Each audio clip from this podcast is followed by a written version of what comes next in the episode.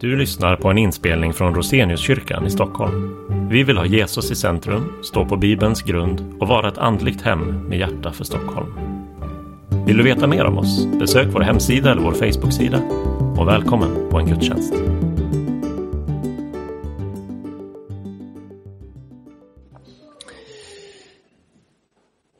Herre vår Gud,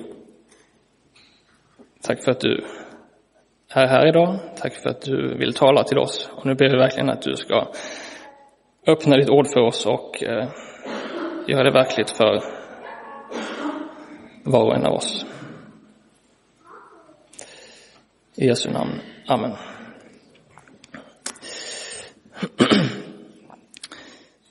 I Domarbokens sjätte till åttonde kapitel ger Gud oss berättelsen om domaren Gideon. Och det här är, som vi har hört i inledningen, att det är en berättelse som ger en ganska komplex men också väldigt, väldigt mänsklig bild av Gideon. Samtidigt som den ger en tydlig bild av att det är Gud som är den som räddar och leder sitt folk till seger, också i tider av djupaste kris. Och som sagt kommer jag eh, dela in predikan i fyra delar, mellan vilka vi, vi eh, lyssna på textläsningar från Domarboken. Innan vi lyssnar till den första läsningen så vill jag göra ett kort stopp i början av berättelsen, alltså kapitel 6. Israel utsätts för ständiga anfall och plundringståg från deras fiender, midjaniterna, amalekiterna och de så kallade österlänningarna.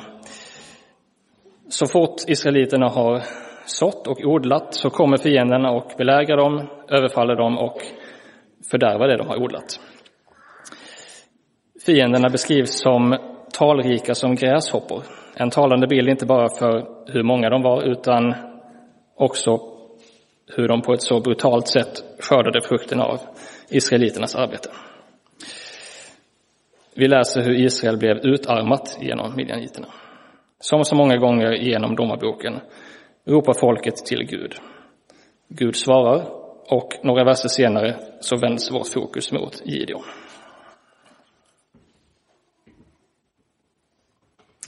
Så vi läser först från det sjätte kapitlet, verserna 11 till 16. Herrens ängel kom och satte sig under terebinten vid Offra som tillhörde abiesriten Joash. Dennes son Gideon höll på att klappa ut vete i vinpressen för att gömma det för midjaniterna. För honom uppenbarade sig Herrens ängel och sa till honom Herren är med dig, du tappre stridsman. Gideon svarade honom O min herre, om Herren är med oss, varför har då allt detta drabbat oss? Och var är alla hans under som våra fäder har berättat om och sagt, se, har inte Herren fört oss upp ur Egypten? Nu har Herren övergett oss och gett oss i midjaniternas hand. Då vände sig Herren till honom och sa, gå i, denna, gå i denna din kraft och fräls Israel ur midjaniternas våld. Se, jag har sänt dig. Han svarade honom, O Herre, hur ska jag kunna rädda Israel? Min ett är den mest obetydliga i Manasse och jag är den yngste i min fars hus. Herren sa till honom, jag är med dig och du ska slå midjaniterna som en enda man.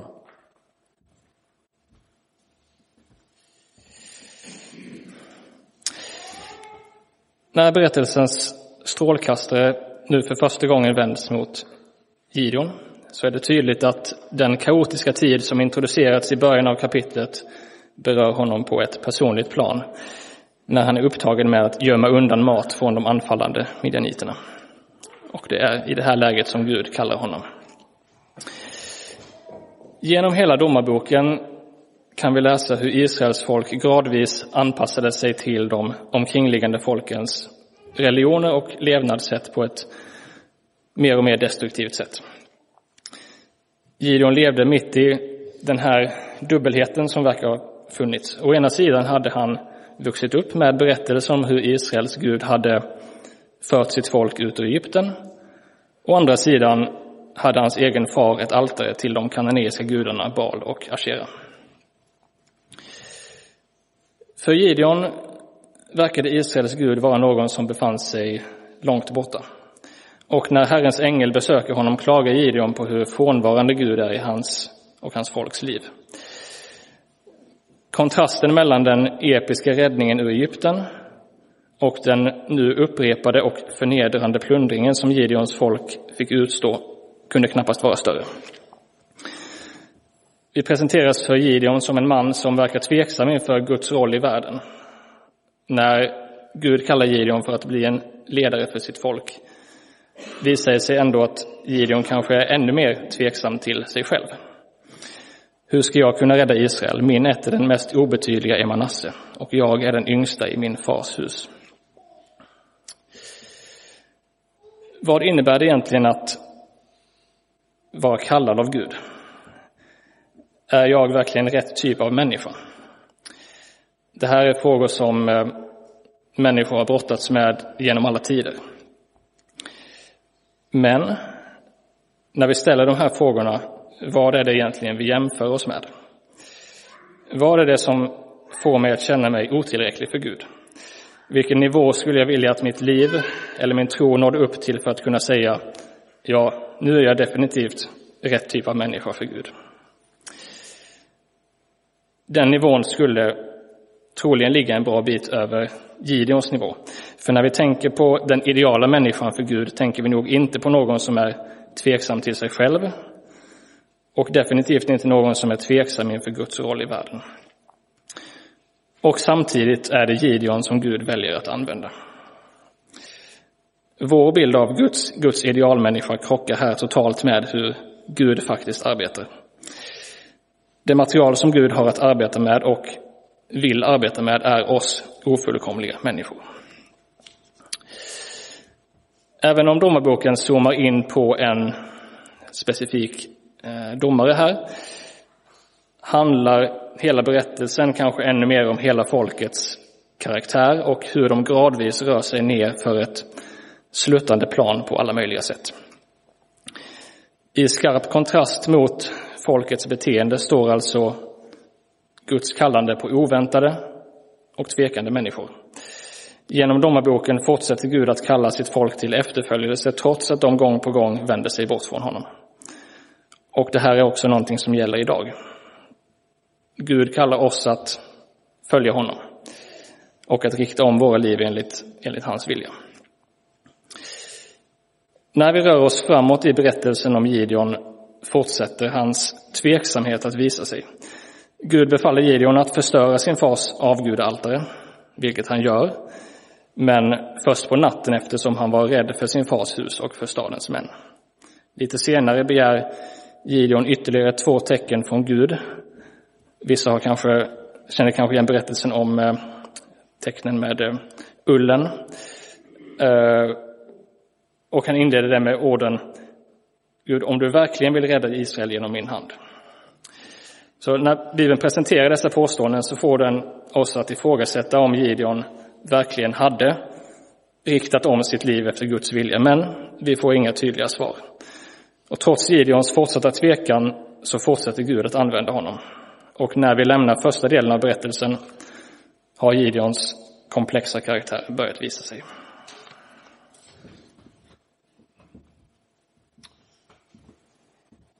Från kapitel 6, vers 33 och framåt. Midjaniterna, amalekiterna och österlänningarna hade alla samlats och gått över Jordan och slagit läger. Men Herrens ande kom över Gideon. Han blåste i hornet och abesriterna samlades och följde honom. Han sände ut budbärare i hela Manasse så att också de samlades och följde honom. Han sände även budbärare till Asher, Sebulon och Naftali och de kom upp för att möta dem.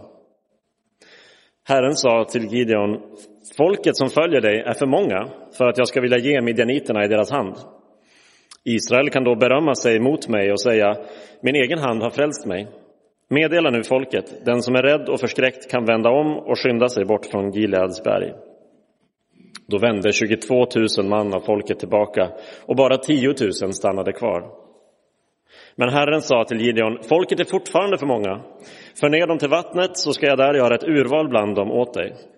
Så förde han folket ner till vattnet. Och Herren sa till Gideon, alla som läppjar av vattnet som hunden gör, de ska du skilja ut från dem som går ner på knä för att dricka. Då visade det sig att antalet som hade läppjat av vatten genom, vattnet genom att föra det till munnen med handen var 300 män. Alla de andra hade gått ner på knä för att dricka vatten. Herren sa då till Gideon, vi kan ta nästa bild, jag hade råkat göra dubbletter där. Där, precis. Herren sa då till Gideon, med de 300 män som läppjade av vattnet ska jag frälsa er och ge midjaniterna i din hand. Alla de andra kan gå hem var och en till sitt. Den natten sa Herren till Gideon, res dig och gå ner mot lägret, för jag har gett det i din hand. Gideon delade sina 300 män i tre grupper och gav dem alla horn i händerna och tomma krukor med facklor inne i krukorna. Så kom Gideon och de hundra eh, män han hade med sig till utkanten av lägret. Då blåste de i hornen och krossade krukorna som de hade i händerna. Alla de tre grupperna blåste i hornen och slog sönder krukorna. De grep facklorna med vänster hand och hornen med höger hand och blåste i dem och ropade Herrens och Gideons svärd. Men de stod stilla, var och en på sin plats, runt omkring lägret. Och då började alla i lägret att irra omkring och skrikande ta till flykten. När de 300 hornen göd vände Herren den ene svärd mot den andra i hela lägret och de som var i lägret flydde.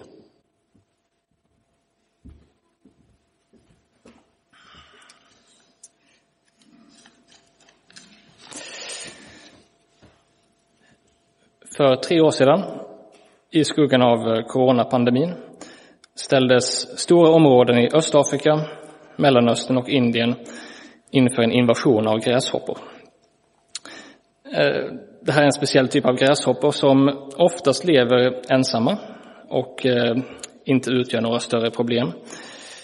Men under vissa specifika förutsättningar så genomgår samma gräshoppor en anmärkningsvärd förvandling och förvandlas till ett flocklevande djur som bildar kluster av gräshoppor som kan tjugodubblas i storlek på tre månader, som kan innehålla 80 miljoner individer på en yta av en kvadratkilometer. Bakom sig lämnar de förstörda odlingar och brist på mat. Även idag när det finns metoder för att bekämpa gräshopporna kan kampen mot invasionen vara långdragen. Och på Gideons tid fanns inga bekämpningsmedel och människor stod ofta maktlösa inför en gräshoppsinvasion.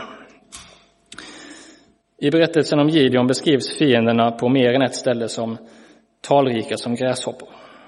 Israels folk stod maktlösa inför fiendernas upprepade plundringar och här i början av vårt andra textstycke tycks historien vara på väg att eh, upprepa sig. En armé med över 120 000 man har nu korsat floden Jordan. Anfallet är nära förestående.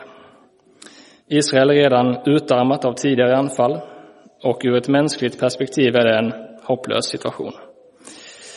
Men, står det, Herrens ande kom över Gideon. Och Gideon, den oväntade ledaren för folket, samlar en 32 000 man stark armé och leder dem i riktning mot en nästan fyra gånger större fiendearmén. Om oddsen för Israel redan var halvdåliga så börjar Gud nu skala ner den israelitiska armén. Först och främst säger han till Gideon att skicka hem de som är rädda och förskräckta, vilket visar sig vara majoriteten av hans soldater. Därefter skalar Gud ner armén till endast 300 man. På ett för oss otänkbart sätt är det dessa som ska vara Guds redskap. Varför gör Gud egentligen så här? Här får vi ett tydligt men obekvämt svar. Hela poängen är att göra oddsen så omöjliga att en mänsklig seger är fullkomligt otänkbar. Det är obekvämt därför att det visar oss att efterföljelse handlar om att bli beroende av Gud.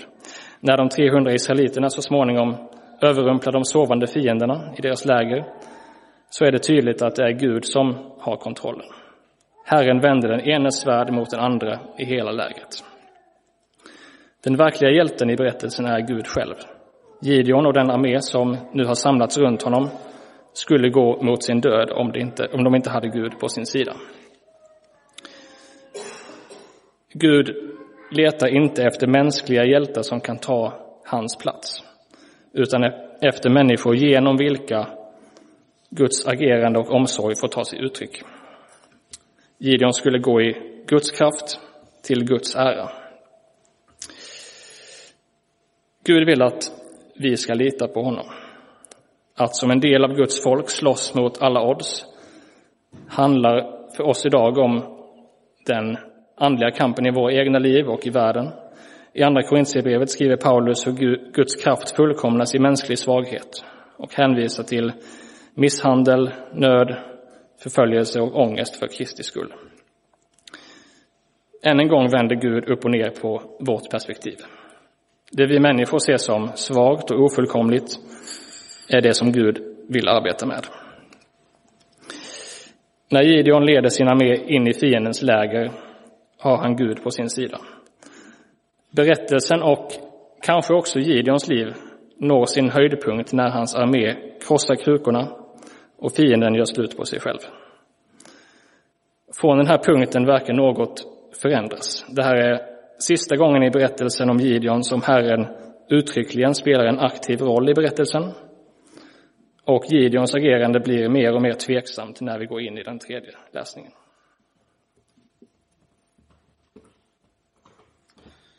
Då samlades israeliterna från Naftali och Asher och från hela Manasse och förföljde midjaniterna. Gideon kom till Jordan och han gick över tillsammans med de 300 man som var med honom. De var trötta av förföljandet.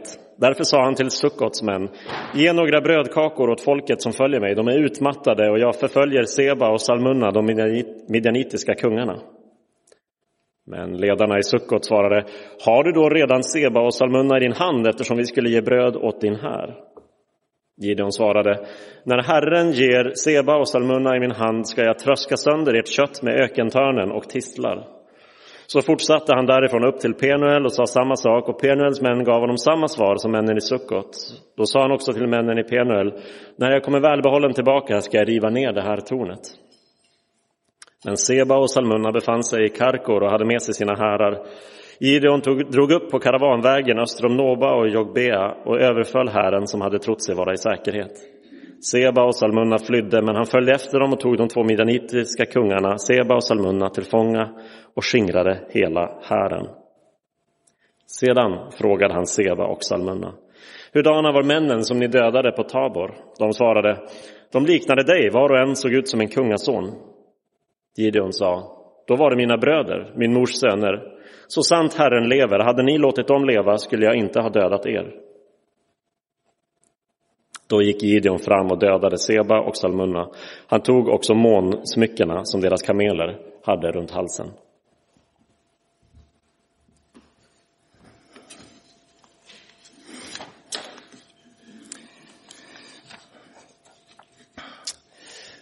Så snart Gud har hjälpt Gideon och hans armé till seger vänder Gideon sitt fokus mot de flyende resterna av fiendearmén.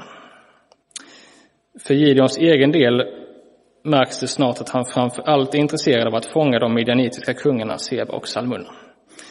Han driver sina 300 män till en utmattande jakt efter dem, förbi de två städerna Sukkot och Penuel. Dessa två städer tillhörde Gads stam och invånarna bör alltså ha varit israeliter, precis som Gideon. När Gideon och hans armé passerar, utmattade och hungriga, vill varken Sukkots eller Penuels invånare hjälpa dem med mat. Oavsett vad vi tycker om denna ovilja att hjälpa landsmän i jakten på en gemensam fiende så framstår Gideons svar på deras ovilja som helt oproportionerligt. Citatet när Herren ger Seba och Salmunna i min hand ska jag tröska sönder ert kött med ökentörnen och tistlar talar nog för sig självt. Fram tills nu har Gud haft den tydliga huvudrollen som den som kallar, utrustar och hjälper Gideon till seger. Nu blir Gideons motiv desto grumligare. Övertygad om att Gud kommer att hjälpa honom att hinna ikapp de två kungarna använder Gideon sin makt till att kräva lojalitet och hota landsmän med tortyr och död. Gideons tidigare tveksamhet inför sin uppgift har nu bytts ut mot en tveksam moral. I den gammaltestamentliga lagen fanns förvisso utrymme för den kända principen öga för öga, tand för tand. Men detta just för att undvika hämnd och oproportionerliga bestraffningar. När Gideon slutligen tillfångatagit de midjanitiska kungarna, då återvände han till Sukkot och Penuel, den här gången för att utkräva sin hämnd. Nu finns inget tecken av att Guds makt demonstreras genom Gideon. Nu visar texten oss bara Gideons egen makt. Det dröjer ett tag innan vi får veta vad det egentligen är som har drivit på Gideon och hans ivriga jakt efter Seba och Salmun. Det visar sig att de två kungarna har dödat Gideons bröder vid ett tidigare tillfälle och att jaktens slutgiltiga mål är en hämndaktion mot de två kungarna. När Gideon säger hade ni låtit mina bröder leva skulle jag inte ha dödat er visar det oss att Gideons huvudsakliga drivkraft inte längre är vad Gud vill utan vad han själv vill. Berättelsen om Gideon innehåller, intressant nog, två segrar. Dels den seger som Gud vann åt Gideon i midjaniternas läger och dels Gideons egen seger då han dödar Seba och Salmunna. Gideon verkar ha glömt vem det var som låg bakom Guds mirakel med de 300 israeliterna och han driver nu på sin egen hämndaktion. På samma sätt kan det vara lätt för oss att glömma att Gud redan har vunnit en seger åt oss genom Jesus och istället fortsätta att driva vår egen sak utan att vara förankrad i Guds vilja. Vi lämnas med eh, obesvarade frågor om hur vi ska se på Gideons ledarskap. Hur hanterar vi kontrasten mellan en tveksam och osäker ledare, som i början av berättelsen faktiskt, om än tveksamt, följer Guds vilja, som leder sitt folk i en stor seger över fienden, men som sedan verkar gå vilse i själviska hämndbegär. Ett svar är att vi, särskilt i kyrkan, ska akta oss för att bygga upp idealiserade bilder av eh, människor vi ser upp, ser upp till, eller ledare, Berättelsen om Gideon visar en ganska komplex men samtidigt väldigt realistisk bild av vad det innebär att vara människa. Saker och ting är sällan svartvita och alla människor är på något sätt ofullkomliga. Samtidigt som det här såklart inte kan vara en ursäkt som vi använder för att sopa ledares eller för den delen våra egna snedsteg och misslyckanden under mattan. För att de eller vi i övrigt gör så pass många bra saker. Genom berättelsen om Gideon undviker han hela tiden att bli kategoriserad som bra eller dålig, vilket gör att vi inte riktigt vet vad vi ska göra med honom, utan tvingar oss att se på människor på ett lite djupare plan. I vissa avseenden får vi se på Gideon som en förebild, i andra avseenden inte. Och det här blir ännu tydligare när vi nu hör den fjärde och sista textläsningen. Israeliterna sa till Gideon, härska över oss, du och din son och din sonson, för du har frälst oss ur midjaniternas hand. Men Gideon svarade dem, jag kommer inte att härska över er och min son ska inte heller härska över er. Herren ska härska över er. Gideon sa vidare till dem, en sak vill jag be er om, att ni var och en ger mig öronringarna ni har fått som byte. Midjaniterna bar nämligen öronringar av guld eftersom de var ismaeliter. De svarade, de ger vi dig gärna. De bredde ut en mantel och var och en kastade där de öron, han hade fått som byte och guldringarna som han hade begärt vägde 1700 siklar i guld. Detta förutom de halsprydnader, örhängen och purpurröda kläder som de midjanitiska kungarna hade burit och förutom kedjorna som hade suttit kring halsen på deras kameler. Gideon lät göra en efod av allt detta och satte upp den i sin stad Offra. Hela Israel höll sig trolöst till den och den blev en snara för Gideon och hans hus. Gideon hade 70 egna söner, för han hade många hustrur. Han hade också en bihustru i Shekem och även hon födde honom en son som han gav namnet Abimelek. Och Gideon, Joars son, dog i hög ålder och blev begravd i sin far Joars grav i det abieseritiska Offra. Men när Gideon hade dött var Israels barn trolösa igen och höll sig till Baalerna. De gjorde Baal Berit till sin gud. Israels barn tänkte inte på Herren sin Gud som hade befriat dem från alla deras fienders hand runt omkring. Inte heller visade de Jerubals, Gideons hus, någon kärlek i gengäld för allt gott som han hade gjort för Israel.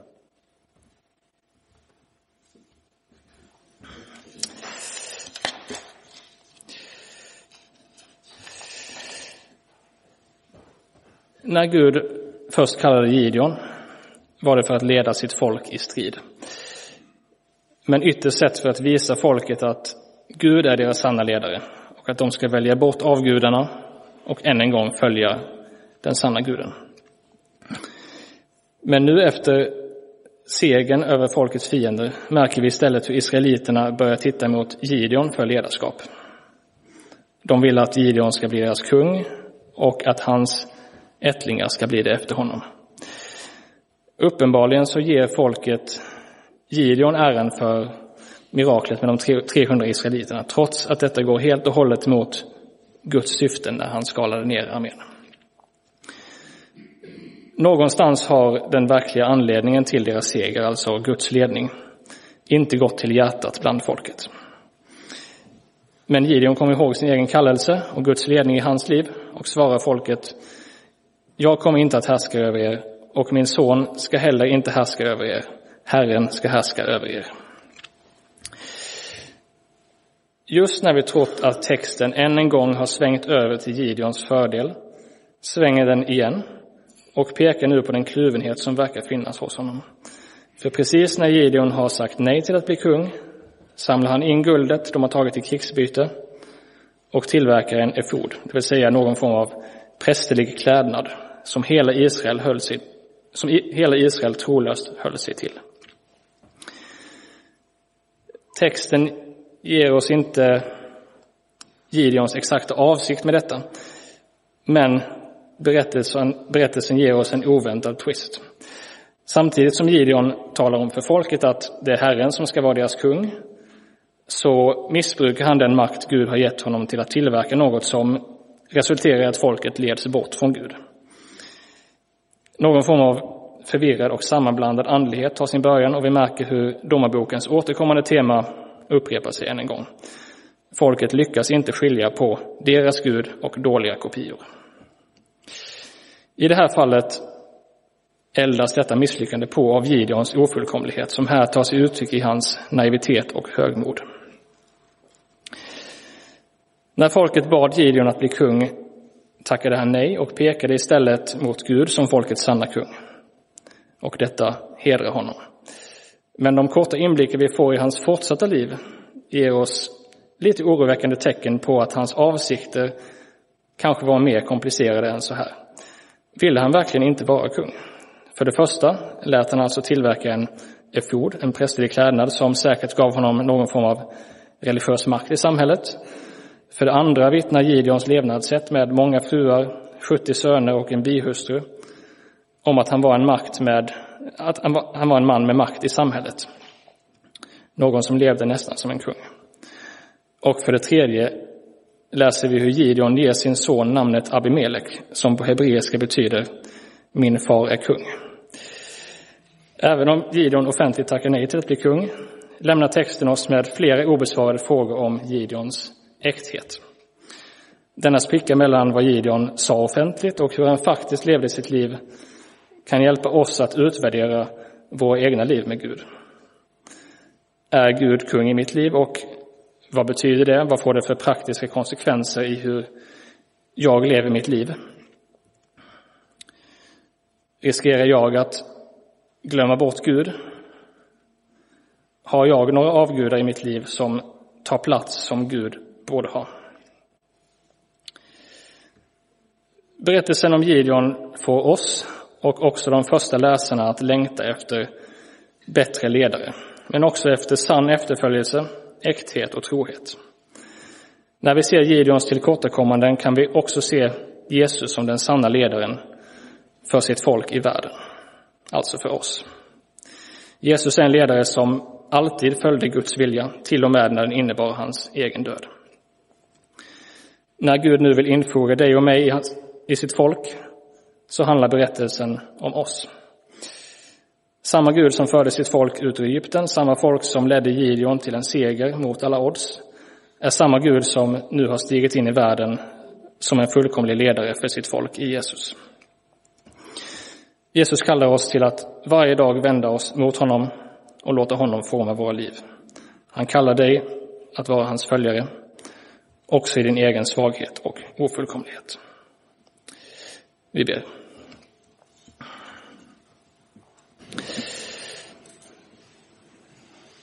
Jesus, tack för att du har eh, segrat för oss. Tack för att du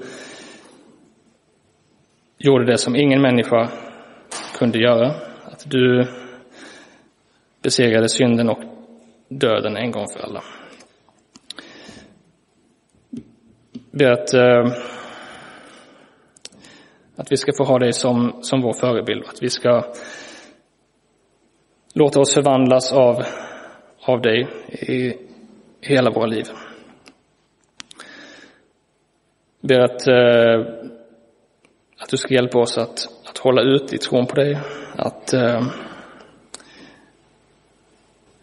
att vi ska få ständigt vända oss, vända oss om till dig.